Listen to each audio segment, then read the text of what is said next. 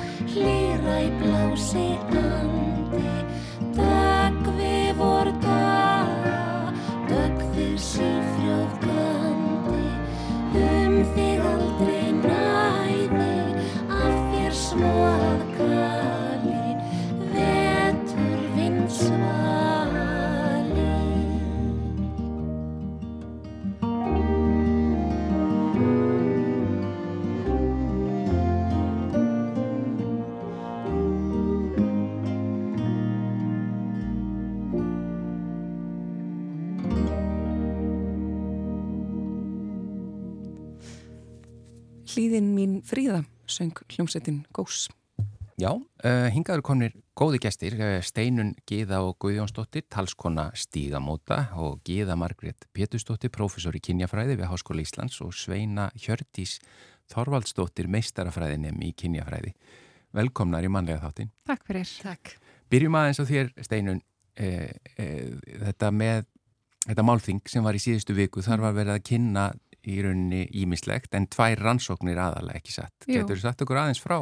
Já, Stígamót stóði fyrir málþingi í síðustu viku um vændi á Íslandi og það var húsfyllir í Yðnó. Þar kom saman mikið af fólki, bæði aktivistum í málaflokknum, líka fullt af fólki sem er að vinna í ímiskonar störfum sem tengast þjónustu við brotaþóla ábyldis, uh, helbriðiskerfi, félagslega kerfið, stjórnmálamenn og svo framvegis.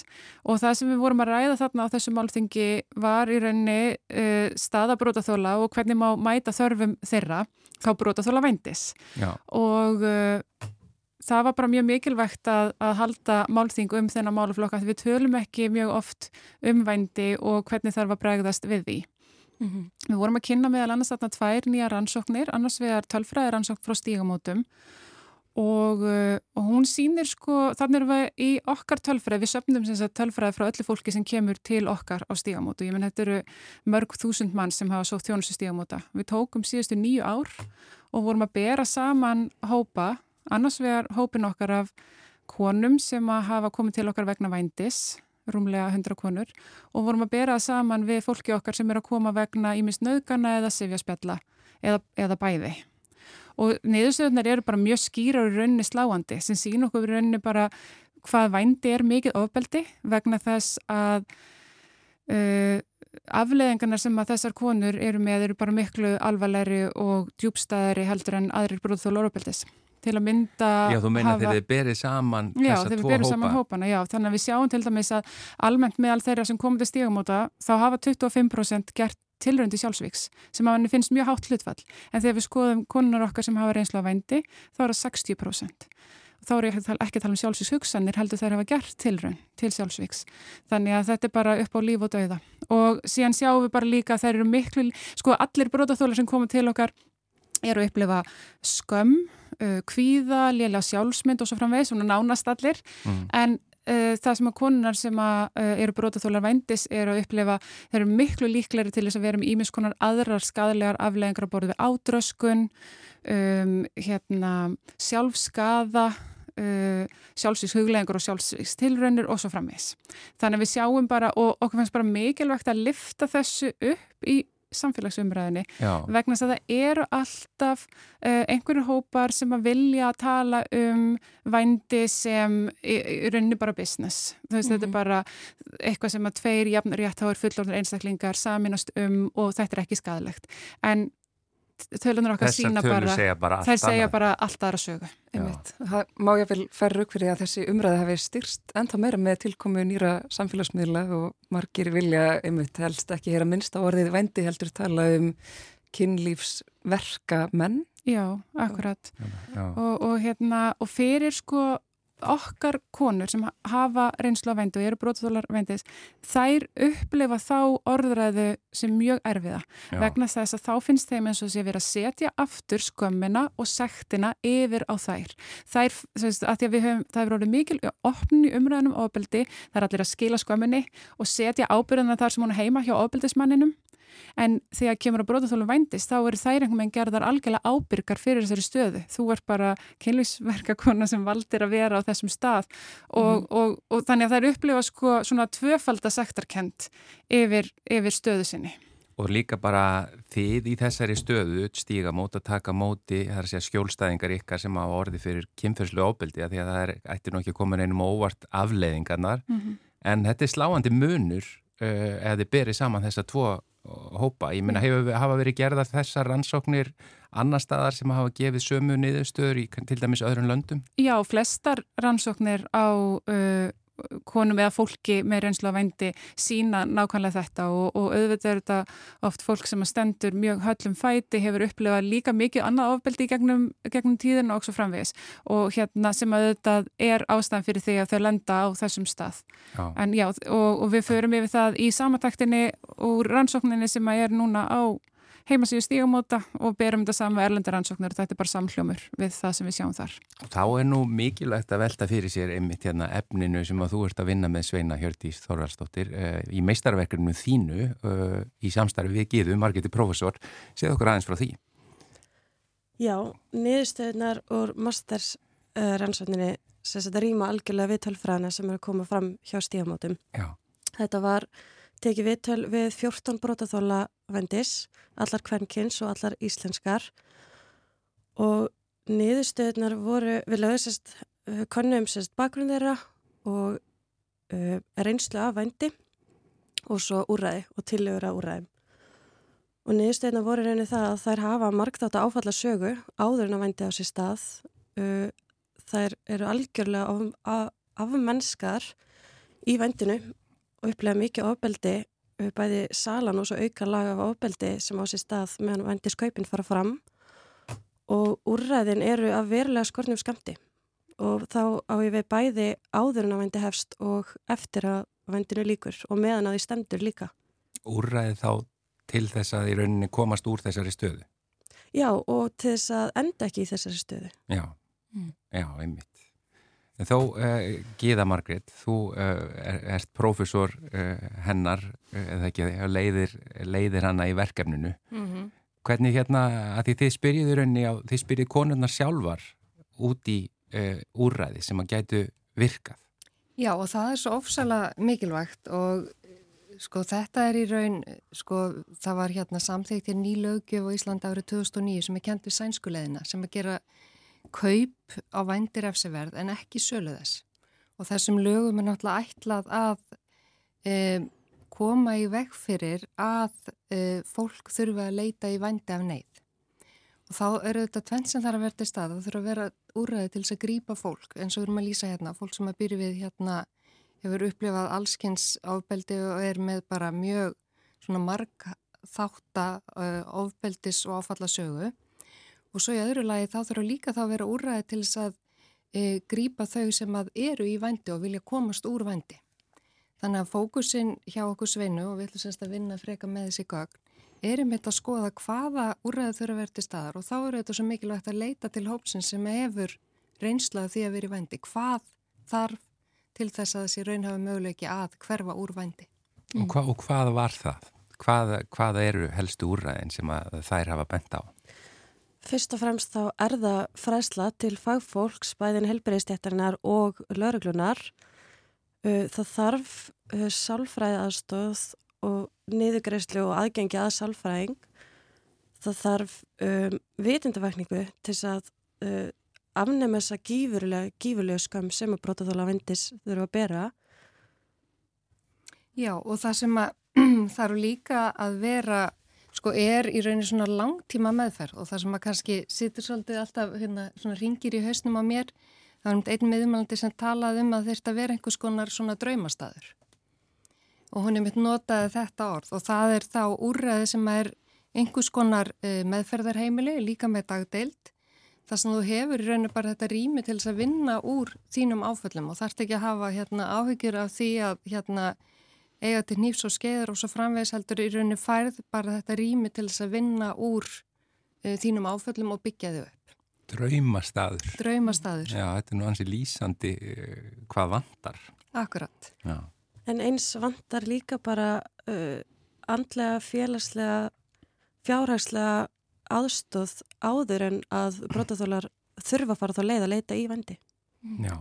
Og það er kannski það sem okkur finnst svo hérna, já ég held að hérna við sveina höfum um eitt átt svona laung samtölum það, það sem okkur finnst í rauninni svo frústrirandi er að það kemur svo skýrt fram hjá hérna viðmælandum sveinu að sko þetta eru konur sem eru sko búinar að um eitt upplega ymmislegt, leita ymmis áraðan hafa einhvern veginn allstað komið nokkurn veginn að lokuðum dyrun þannig að þær hafi ekki fengið þá aðstóð sem að þau þurftu. En taka, grípa síðan það sem við getum reynir bara sagt til þess að óindis úrraðis að fara í vændi til að sjá fyrir sér og sínum sem að verður til þess að íta enn frekar undir áföllin og vanlíðanina sem það eru upplefa fyrir. Þannig að það finnst okkur mjög hérna, já það er svona, finnst okkur bara óásættanlegt í raun. Já. Sjáu þið ykkur að breytingu eða hvort er vændið aukast með við síðustu ár, er, er þið eitthvað að skoða það? Það er í raunni það sem er kannski hérna, svo, hérna líka þessi rannsókn, bæði rannsókn stígamátt okkar eru þetta svo mikilvæg vegna þess að við vitum í raunni svo lítið.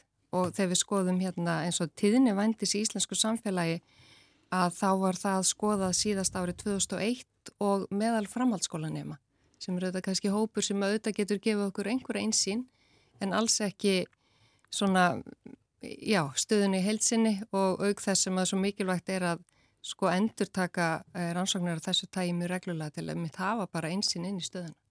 Já, það er ansi margt sem við ekki veitum um hópin sem er í vænd á Íslandi eins og rannsóknarnar okkar bæði þessi frá stígamótum og frá háskólanum. Þetta eru mest, mest megnis íslenskar konur sem eru að taka þátt í þessum rannsóknum. Já. Við veitum það alveg að það er stór hópur erlendra kvenna í vændi á Íslandi. Við sjáum það bara einfallega með því að skoða auglýsingar um vændi og þetta eru konur sem koma hérna og staldra stutt við og eru síðan fara, eru bara á rúndinum væntalega um Evrópu eða eitthvað svo leiðis og, og, hérna, og það er erfitt að ná til þeirra og er sækja sér sjálfnast þjónustu og aðstóð þannig að, hérna, það er margt sem við ekki vitum. Já, eh, sko, takk innlega fyrir komuna Steinun Gíði og, og Guðjónsdóttir Gíða Margrit Pétursdóttir og Sveina Hjördi Stórastóttir, en hvað verður gert núna með bara rétt í lokin með niðurstöðunar úr þessum rannsóknum? Þið haldið áfram að vinna núna og, og þessi draumastaður eru vonandi einhverstaðar í framtíðinni. Já, okkur finnst bara mjög mikilvægt að eiga loksins gögn til þess að byggja á og auðvitað minnst þetta nýtast okkur í allir stefnumótun og allir réttinda baróttu fyrir hönd þessa hóps og við munum halda áfram að þrýsta á félagslega kerfið, heilbriðiskerfið, lögæslega og bara stjórnmálamenn að gera betur þegar kemur að þjónustu við erlendis. Og er eitthvað strækt að lesa meira um niðurstöður? Já, á heimasíðu stígamóta má finna sem sagt samantækt úr niðurstöðunum okkar sem við kvetjum fólk til þess að kíkja á. Um, Gíða og, og Sveina, þið eru að gefa út grein fljótlega? Já, uh, mastersansóknir í hildsin er ekki opinn ennþá. Uh, við erum ekki formlega útskruð fyrir nýju loka oktober, þannig að það kemur að því. En við erum líka að skrifa greinar sem að verða byrtar mm. sem eru þá aðgengilega heldur um mastis rannsóknin sjálf. Í millitíðinni mælum við síðan auðvitað með bókinni Venjulegar konur eftir Brynhildi Björnsdóttur þar sem einnig var rættu Brótaþóla Vendis bók sem kom út í vor mjög aðgengileg og hérna, bara þægileg til þess að lesa um þó erfitt og þungt mál, málefni. Mm. Steinun, Gíða og Sveina, takk einnilega fyrir komuna í manlega þáttin. Takk, takk fyrir. Takk.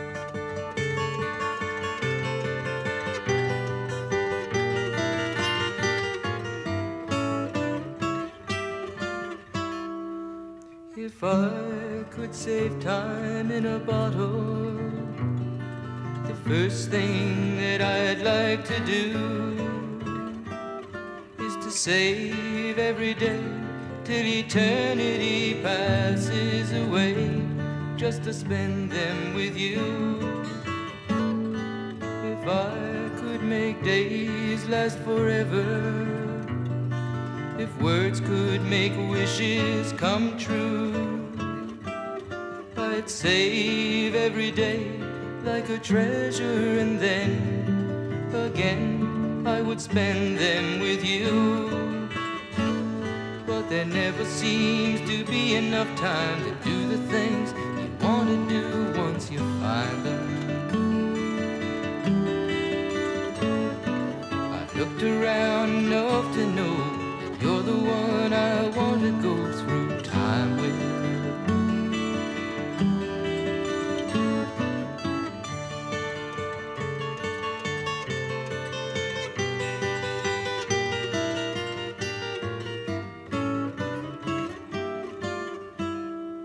If I had a box just for wishes and dreams that had never come true, box would be empty except for the memory of how they were answered by you.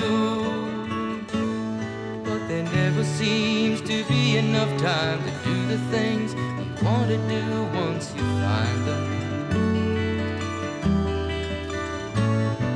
I've looked around enough to know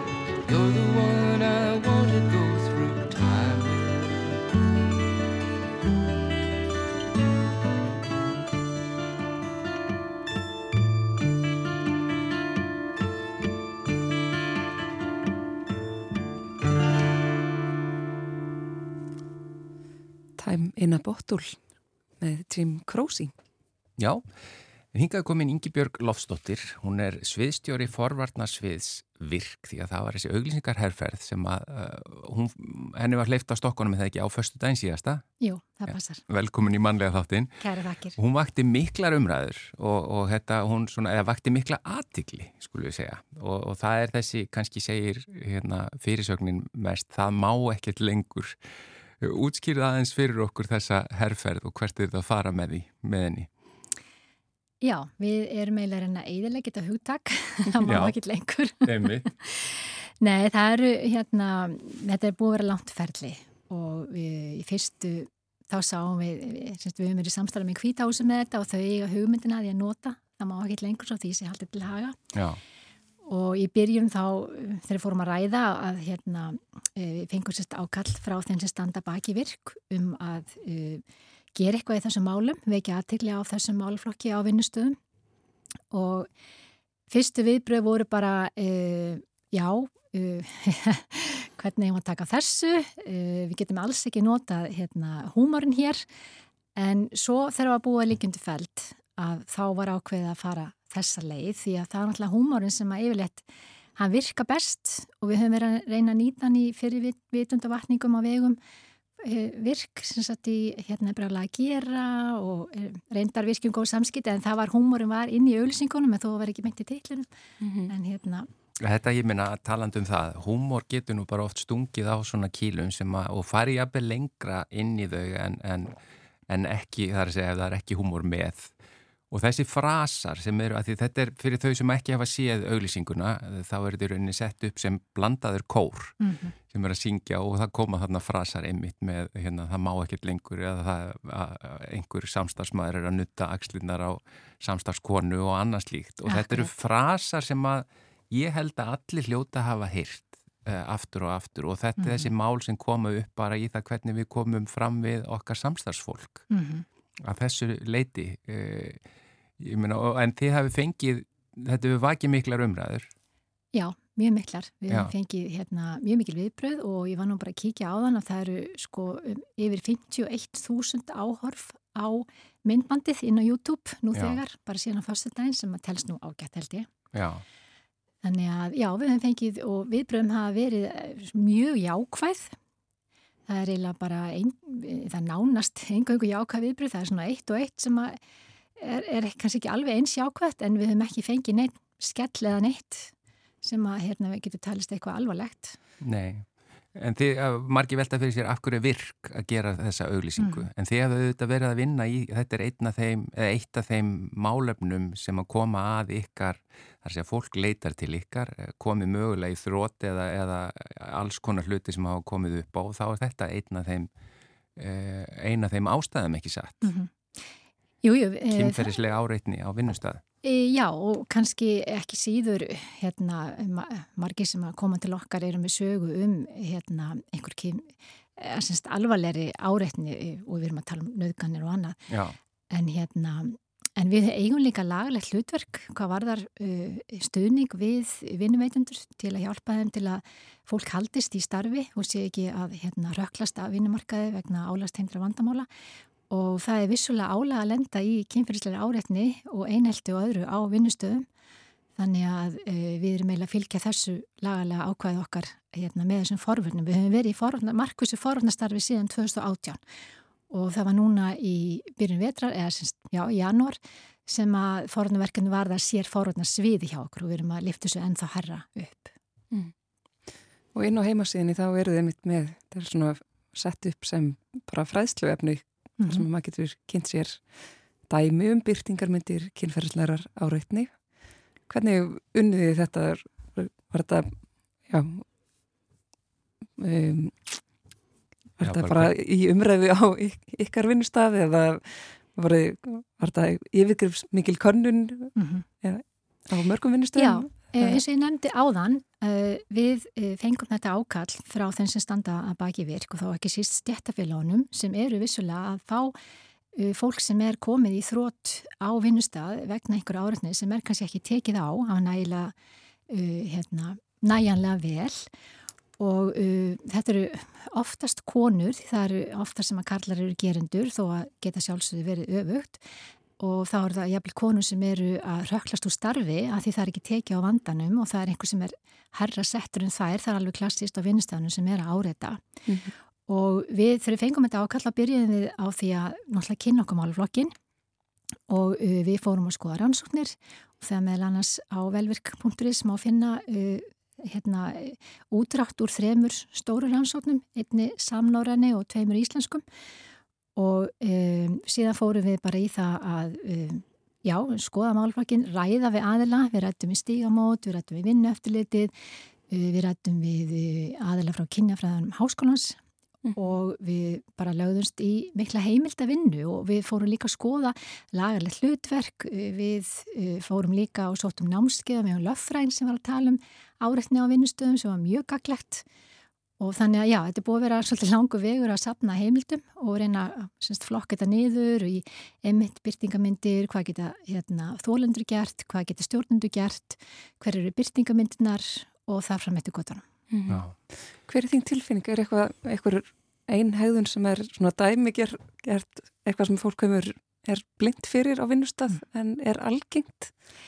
það er kannski það sem er svolítið komið inn á í auðlýsingunni, ég var bara grínast og hérna það er, það er kannski það sem er svolítið falið, það er einhver svona sem, einhver grínari sem er svona kannski uh, jafnvel ómeðvitað að, að koma einhver svona komment aftur og aftur sem geta verið særandi og, og geta verið bara hreinlega áreitni.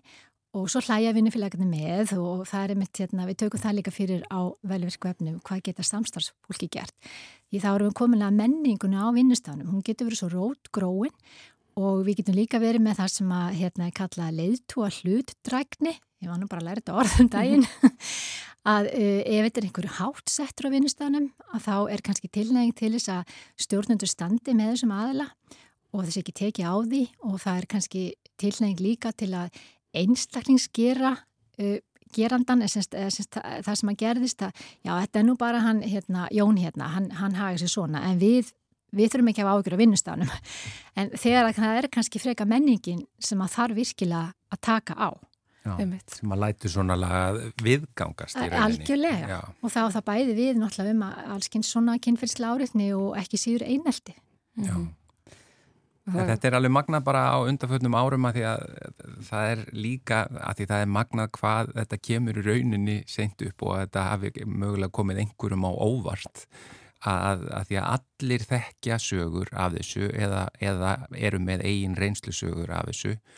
Og ég bara fyrir hönd kallmanna við, við vitum af alls konar umræðu og, og framkomu sem að þó að kannski einhverjur standi ekki í því sjálfur þá einmitt láta er það mögulega viðgangast. Þannig að mm. þessi vitundarvakning er gríðarlega mikilvæg og, og alls konar frasar sem einmitt koma til dæmis fram í þessari auglýsingu mm -hmm. sem maður fær bara í magan að heyra í dag en voru kannski fyrir ekkert svo löngu síðan e, þóttu ekkert svo skrítnir sko. Algjörlega. Þessi menning breytist hratt er ég að meina. Já, hún breytist hratt og það er alltaf þessar tvær MeToo-byltingar sem í þessu svolítið úr vör og við erum svolítið kannski að fylgja í kjálfarið á þeim þegar umræðið sem að þær sköpuðu. Já.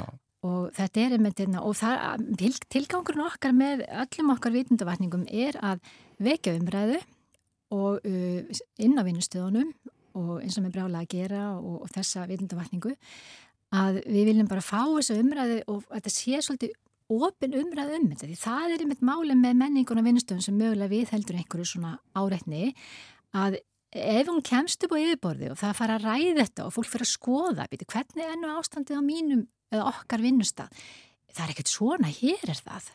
Og þá kannski, þú veist, opnast umræðan og eins líka bara samstagsfélag að verða vakandi fyrir þessu og kannski grýpa inni í staðan mhm. fyrir að segja ekki neitt eða hlæja með. Veit. Ég er að skoða það síðan að hérna, skoða dæmi um byrtingamindir kynferðslegar orðni, reyka augun í eitt sem er hérna, klámfengin dag að tölulega myndir. Maður hugsa nú bara, er það í alvörunni en það árið 2022 eitthvað bílaverkstæði með Ekki bara bílavegstæð, þetta er bara mjög, mjög víða sko. Ég, ég vona ekki, ég veit ekki dæmið þess, ég er náttúrulega ekki á þann kannski, ég, ég sjálf ekki verið vörfið það, síðan maður var bara ung kona. Þetta er nú bara eitt af því góða við alla þessa umræðu og eftir MeToo og allt, eða það er að segja eftir að MeToo fyrir gang, mm það er að alls konar svona hlutir sem að þóttu bara nokkur neginn, eða það var ekkit mikið verið að segja við því fyrir ekki það lungu síðan, en í dag hljómar þetta bara galið sko. Já, Það er mm. akkurat málið, Men, menningin akkurat, það Já. er hún sem er að breytast og hún er ekki bara að breytast á vinnustöðunum, hún er að breytast í samfélagunum og ekki bara í Íslandi, hún er að breytast í öllum heiminum. Já, -hmm. Já, og þess vegna er svo góður þessi loka punktur í auðlýsingunni mátti þetta eitthvað tíman? Já, Akkurat. það er nefnilega mjög gott svar við spurningunni mm -hmm. þess að má ekkit lengur Það er einmitt málið, þetta mátti náttúrulega aldrei en ábyrðin var alltaf sett á þólandi sem þurfti bara að kingja hlutunum og tala um gummi að það var einhver í herri, herri valdastöðu sem var að áreita Já. og fólk bara rættum að missa vinnuna og Þólandin tók þetta alltaf bara á sig og tók ábyrð á þessu. Einmitt, eða eðilegja móralinn á vinnustænum. Já, akkurat, við erum ekki sér fúla. Mm -hmm. Við bendum bara til dæmis á velvirk.is, þar er þetta að fá og lesa mikið af þessum upplýsingum sem við höfum verið að vitna í hér og sjá meiri sjá auglýsinguna og, mm og annað og þessi umræða heldur áfram og, og það er bara mjög gott að vekja betur aðtekla á henni. Takk kjalla fyrir komuna í manlega þáttin Ingi Björg Lofsdóttir, sviðstjóri Forvarnasviðs Virk. Kæra þakkir.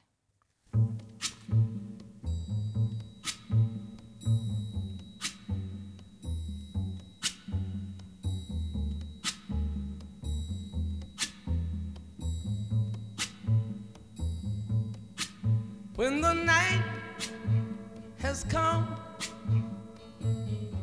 and the land is dark and the moon is the only light we'll see.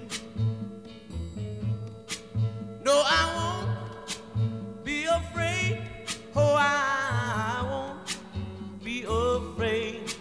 Just as long as you stand, stand by me.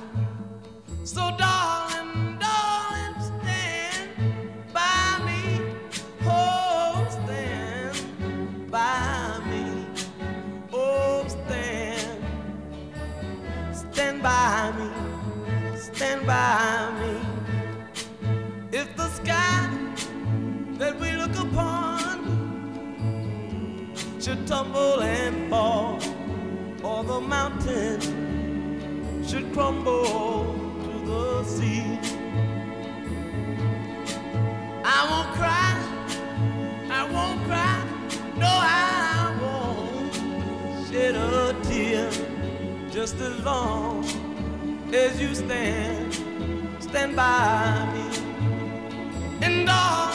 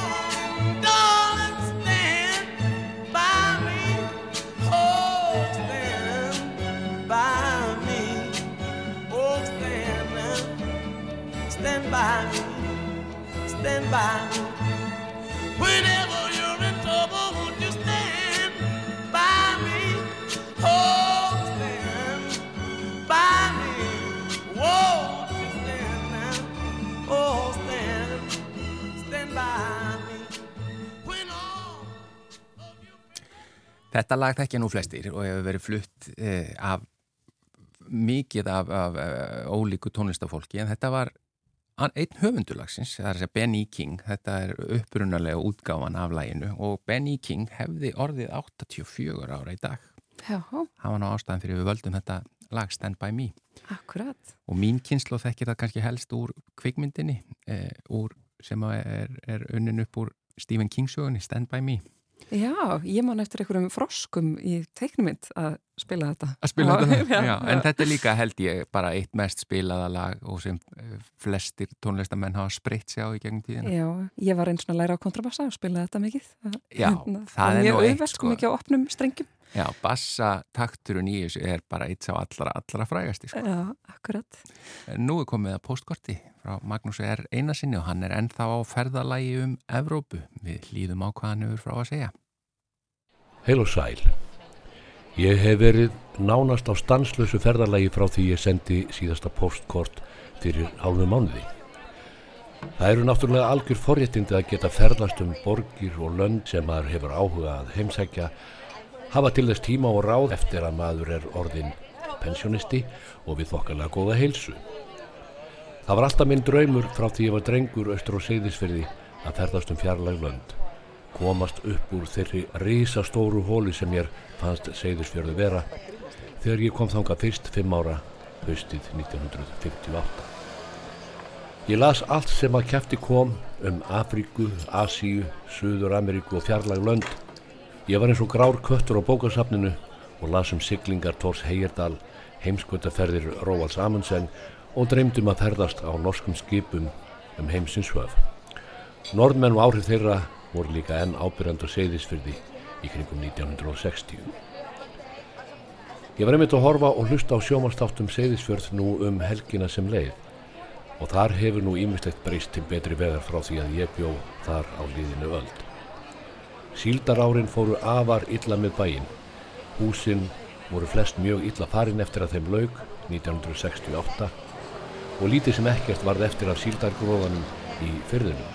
Hann fór allur í aðra vasa en segðfyrninga.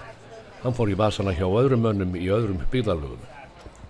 Húsinn voru flögnuð, fúnuð og skökk, bárujátnið, riðgað og allt einhvern meini mikilli nýðurnýslu.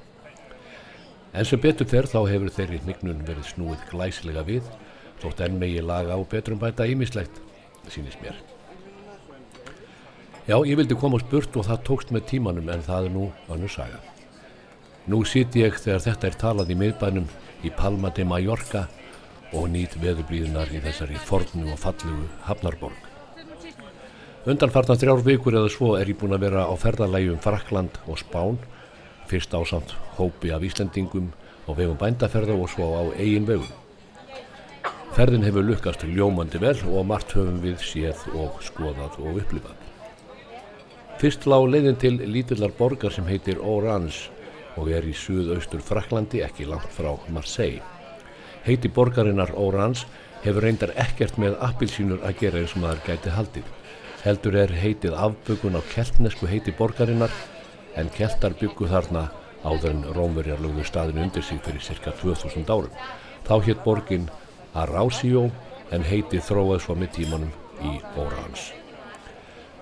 Evrósk saga er margslungin og flókin og vegna ímissa erfða og tengsla vegna síbreytilegra landamæra sem færðust til vegna trúarbragðadeilna og styrjalda á 16. og 17. öld þá endaði borgin Órans undir hollensku krúninni sem enn þann dag í dag ber titilinn Hús Órans og Nassá. Og ef maður fer inn í nútíman þá er appilsínuguli liturinn í írska fánanum komin til af miskilningi á heiti borgarinnar Órans. Liturinn í fánanum á sér sögu allt frá því að Vilhjálmur af Órans var konungur hollendinga. Hann var herskár mótmælandi á tíma trúarbræðastríðana í Evrópu og hann sigraði Jakob Annan Englands konung í frægari orustu við Bóinfljót á Írlandi árið 1690 og varði framhaldunum kongur yfir öllu Breitlandi sem Viljálmur III. Hann stóði í miklum styrjöldum og slagsmálum við katólska konga og páfa og hafði jafnan betur. Og enn í dag eru brótastantar á Norður Írlandi að halda upp á Sigur Viljáms á katólökum við Bóin 1690 og veifa þá að appilsinu guðla litnum 12. júli hvert ár og þá farað þeir jafnan í miklar og háværa skrúðgöngur og vilja helst fara um hverfi katholskra til að auðmyggja þá og niðurlæja með minningunni um ósigur þeirra fyrir Vilhelm og Orans fyrir 332 ár. Við fórum líka til borgarinnar Arvl sem er rétt hjá Orans en svo borg er aðalega fræg fyrir það að þar málaði Vincent van Gogh mörg af sínum frægustu verkum. Arl stendur við hið breyða fljót Rón sem var mikil samgönguæð einlangt inn í Frakland og Arl var mikilega hafnarborg við fljótið allt þar til hjártbrautirna leistu fljóta flutningana af að mestu en ánastáttu leiti upp úr miður í 19. völd og Arl misti stöðu sína og mikilvægi. En þá fóru bóheimar og listamenn að venja komur sína til borgarinnar sem var orðin ódýr til búsettu en þarna við fljóti þykja ljós og skuggar einstaklega fagrir og skýrir í ljósarkiftunum bæði kvölds og morgna. Ekki kann ég alveg að útskýra hvers vegna en það kunne hafa eitthvað með norðanáttun að gera sem kemur niður Róndalinn, norðanvinn sem sveipar burt mistrinu sem annars enginn er héruðin nálagt miðjararhafinu þar um slóðir. En allavega, Van Gogh fór til Arl vegna ljósins og skuggans og bjóð þar í rúmt á. Og það var nokkuð magnað að sjá ímsa staði í borginni sem hann málaði, hús og torg, fljótið og sveitirnar í kring. Allt er þetta vel mert og góðar upplýsingar á hverjum stað. Mjög áhugavert fyrir alla þá sem unna myndlist. Svo ég haldi ferðarsöguna áfram, þá lág leiðin næst til Spánar, stuttu fyrir sunnan landamæri Spánar við Frakland, likur smáborg sem heitir Figueres Þar er að finna stórkoslegt samt sem Salvador Dalí hannaði og tilengaði list sinni. Þetta er afar óvinnulegt samt því það er í sjálfu sér listaverk, taul hugsað af hálfu listamannsins. Figueres var heimabær Dalí, þar fættist hann og stöp. Safninu er fyrirkomið í fyrrum leikúsi borgarinnar, rétt hjá kirkjunni þar sem hann var skýrður. Glæsilegt og áhrifamikið safn sem hafði þau áhrif að manni finnst allir myndlistarmenn vera einhvern megin litlir í samanbörðunum. En svo fer maður og annars öfn og jafna sig á eflaust á Dalí. En áhrif að mikill er hann og frumlegur.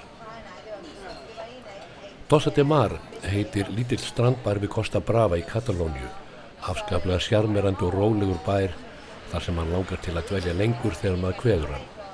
Og þar var þægilegt fyrir okkur að slaka á í nokkra daga og heimsækja svo heimsborgina Barcelona, fara svo líka upp í Snarbröð Skarðafjöllin, Montserrat í frækt Benediktaklaustur í 700 metra hæð, þar sem er ótrúleg útsýn yfir sveitir og bæ. Eftir að bændaferðinni laug fórum við Kristín til Palma de Mallorca. Þángað hafi ég aldrei komið áður. Spænskir vini mínur og kunningjar hafa oft sinnis hvart mig til að heimsækja Mallorca en ég hafði alltaf einhvern gamlan beig af eigunni eftir að hafa hýrt margar og skraudlegar sukksögur frá því að Íslendinga voru að fljúa þangað þúsundum saman fyrir um það byrja hálfur öld. En Palma de Mallorca er fögur og heillandi borg. Æva ford með glæsilegar byggingar og arkitektúr og við búum á litlum gististæði í þraungur í götu stutt frá henni stórkóðslegu domkirkju borgarinnar sem við sjáum ofan af þakkinu á sjöndu hæð þar sem eru hægindi og hótelgestir safna saman á kvöldin til að njóta kvöld svalans. Kristín á hér vinkonu sem heitir því ágættanafni Carmen og Carmen fór með okkur krókaleiðirinn á baru og veitingarstaði um flókin miðbæin eitt kvöldið, leiðir sem eru aðeins færar innfætum og þvílik veistla sem við fengum í mat og drikk. Palma de Mallorca er eina af þessum borgum við miðjararhafi sem heilla mig og ég veit að hingað mun liggja mín leið aftur ef gæfan verður hliðhóll. Einn daginn legðu við reyðhjól og fórum með fram ströndinni í austur, heina 12 kílometra. Þar til kemur að þeim parti strandarinnar sem þjóðverjar kalla Ballermann. Þýskir ferðamennir og fjölmennir þar við ströndina að þeir kalla Mallorca 17. ríkið í Þýska sambandsliðveldinu. Þarna við ströndina á Ballermann er risastór bygging í, fölskum, gottneskum stíl byggð fyrir einum 12 árum og þetta er sagt vera stærsta diskotek í heimi. Diskotek er samt ekki einu sinni hugtak sem næru utanum þennan skemmtistað. Við fórum þarna inn fyrir forvittnisakir í hátteginu síðastlegin sunnudag. Það sem blasti við er eiginlega ekki hægt að lýsa með orðum. Ég hef farið um veröld viða um æfina og séð ímislegt á mínum ferðum en ekkert eins og megapark á Mallorca. Þar inni voru um það byrj 1000 þjóðverjar í banastuði klukkan ekki orðin eitt eftir hátegi.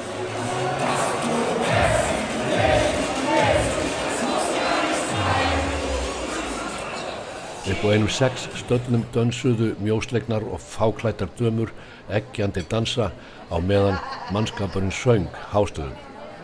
Það er vart hægt að kalla þetta söng en einn, tveir, þrýr bjór og þú ert ljót, fjóri, fimm, sex bjór og þú ert sæt, orgaði mannskapurinn einu kór með diskotekinu. Man sá eldri dömur í þraungum kjólum og líti út eins og rúlupilsur, sumar voru með geislaböga úr jólaserjum í hárinu. Má sá heilu hópana í áberandi bólum með áleitrunum eins og party animals. Upp á borðum voru næstum tveggja metra háir staukar fylltir tíu lítrum af áfengi sem mannskapurinn tappaði af millir þess sem hann söng og dansaði upp á stólum og borðum og klukkan ekki orðin eitt eftir háti. Ég drakk bara vatn með galhópin vitin og förður lostin yfir því sem fyrir augu og eiru bar. Partítúrismin hefur lengi laðað við Mallorca en hefur nú snúið tilbaka fortissimo eftir koronavesinið sem að noti músikmál. Ég las í morgun í staðarbladinu að það hafi borist 781 kvörtun til lauruglu vegna drikju óláta í þessari viku frá íbúum sem þurfa að þóla nábíli við partítúristina. Og ennfremur í bladinu sagði að harður vetur sé í vændum á Mallorca vegna dýrtíðar og verðbúkum. Það er snákur í hverju paradís eins og danskunni segir. Bestu kveðjur og góða stundir. Já, þetta var postkort frá Magnúsi R. Einasinni. Ég meit, allar við beint í næstu vil til Mallorca? Nei, ekki, allan ekki á þennan klúb held ég, það er nokkur ljúst. En við ætlum að minna á það að á morgun er sérfræðingur uh, í þættinum, þar sé sérfræðingur vikunar og það er bara hreinlega sami sérfræðingur og var fyrir tveimu vikum. Já, nú var svo vinsæl. Já, Margret Sigfúsdóttir, fyrirhandi skólastýra í, í hússtjórnarskólanum og, og það bara, hún náði ekki að svara öllum spurningunum, það kom inn svo mikið af spurningum og við erum strax búin að fá fullta spurningum í viðbót en við bendum á að það er ennþá séns. Já kannski komast ég að með ykkar spurningar Já, ef við eru fljótt. Allt sem að við kemur heimilishaldi og, og bara uh, innkaupum fyrir heimili þrýf uh, og bara húsaráð og ég veit ekki hvað og hvað. Já, alls konar viðhald. Já, uh, bara hendiði spurningum til okkar og við komum þeim áfram til Margreta Sifustóttur. Netfangið eru auðvitað mannlegi hjá rúf.is þannig að bara nú er tækifarið nýta sér uh, hennar frábæru þekkingu. Og hver veit kannski þurfa að fá hana aftur bara. Já. en þetta er með loki í dag. Já, takk fyrir okkur, verið þið sæl